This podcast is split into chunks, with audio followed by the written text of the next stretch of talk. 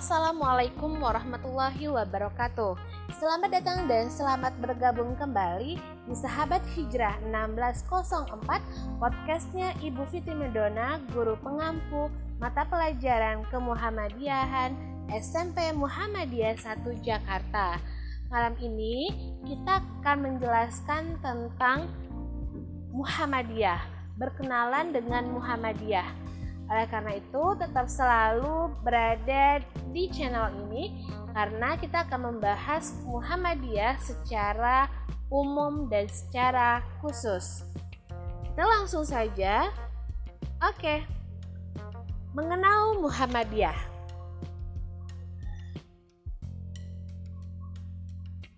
Muhammadiyah berasal dari kata bahasa Arab Muhammad dan Iyah.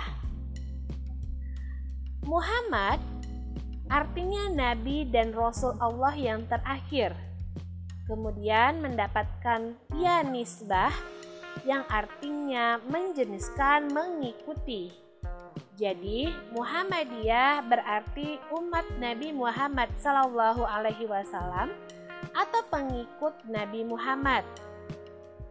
Dari segi istilah, Muhammadiyah adalah gerakan Islam amar ma'ruf nahi mungkar dan berarti menyeru kepada kebaikan, mencegah kepada yang mungkar, berakidah Islam dan bersumber kepada Al-Quran dan Sunnah.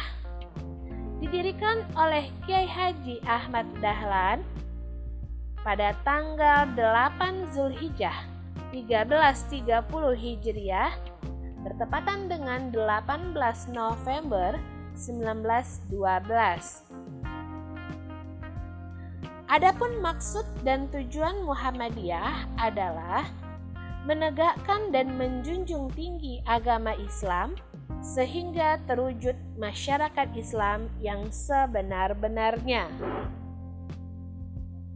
Faktor objektif Muhammadiyah didirikan berdasarkan surat Ali Imran 104 dengan bunyinya seperti ini. A'udzubillahi minasyaitonirrajim. Bismillahirrahmanirrahim. Wal takum minkum ummatu yad'una ilal khair wa ya'muruna bil ma'rufi wa yanhauna 'anil munkar wa ulaika humul muflihun. Yang artinya dan hendaklah ada di antara kamu segolongan umat menyeru pada kebajikan menyuruh kepada yang ma'ruf mencegah pada yang mungkar dan mereka itulah orang-orang yang beruntung. Dan untuk selanjutnya secara faktor subjektif atau faktor yang terjadi pada saat itu yang menyebabkan Muhammadiyah harus didirikan. Yang pertama, umat Islam semakin jauh dari Al-Quran dan Sunnah. Dua, gagalnya lembaga pendidikan Islam pada saat itu. Tiga, semakin gencarnya kristenisasi di Indonesia. Empat, pengaruh gerakan pembaharuan dunia Islam. Kita lanjut ke arti lambang Muhammadiyah. Muhammadiyah itu memiliki lambang matahari bersinar 12 dikelilingi dua kalimat syahadat dan di tengahnya bertuliskan Muhammadiyah berbahasa Arab. Yang artinya Muhammadiyah itu sudah punya lambang yang jelas Mari kita jelaskan satu persatu arti dari lambang Muhammadiyah. Dua kalimat syahadat menunjukkan keyakinan warga Muhammadiyah bahwa tiada Tuhan selain Allah dan Muhammad adalah pesuruh atau rasul Allah.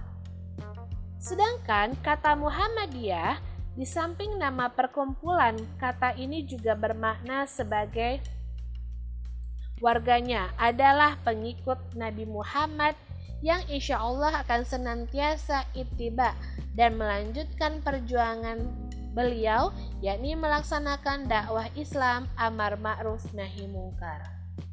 Kemudian kita lanjut sinar matahari berjumlah 12. Artinya tanggung jawab warga Muhammadiyah yang mengantar dan memberikan pencerahan iman terus-menerus selama 12 bulan setiap tahunnya.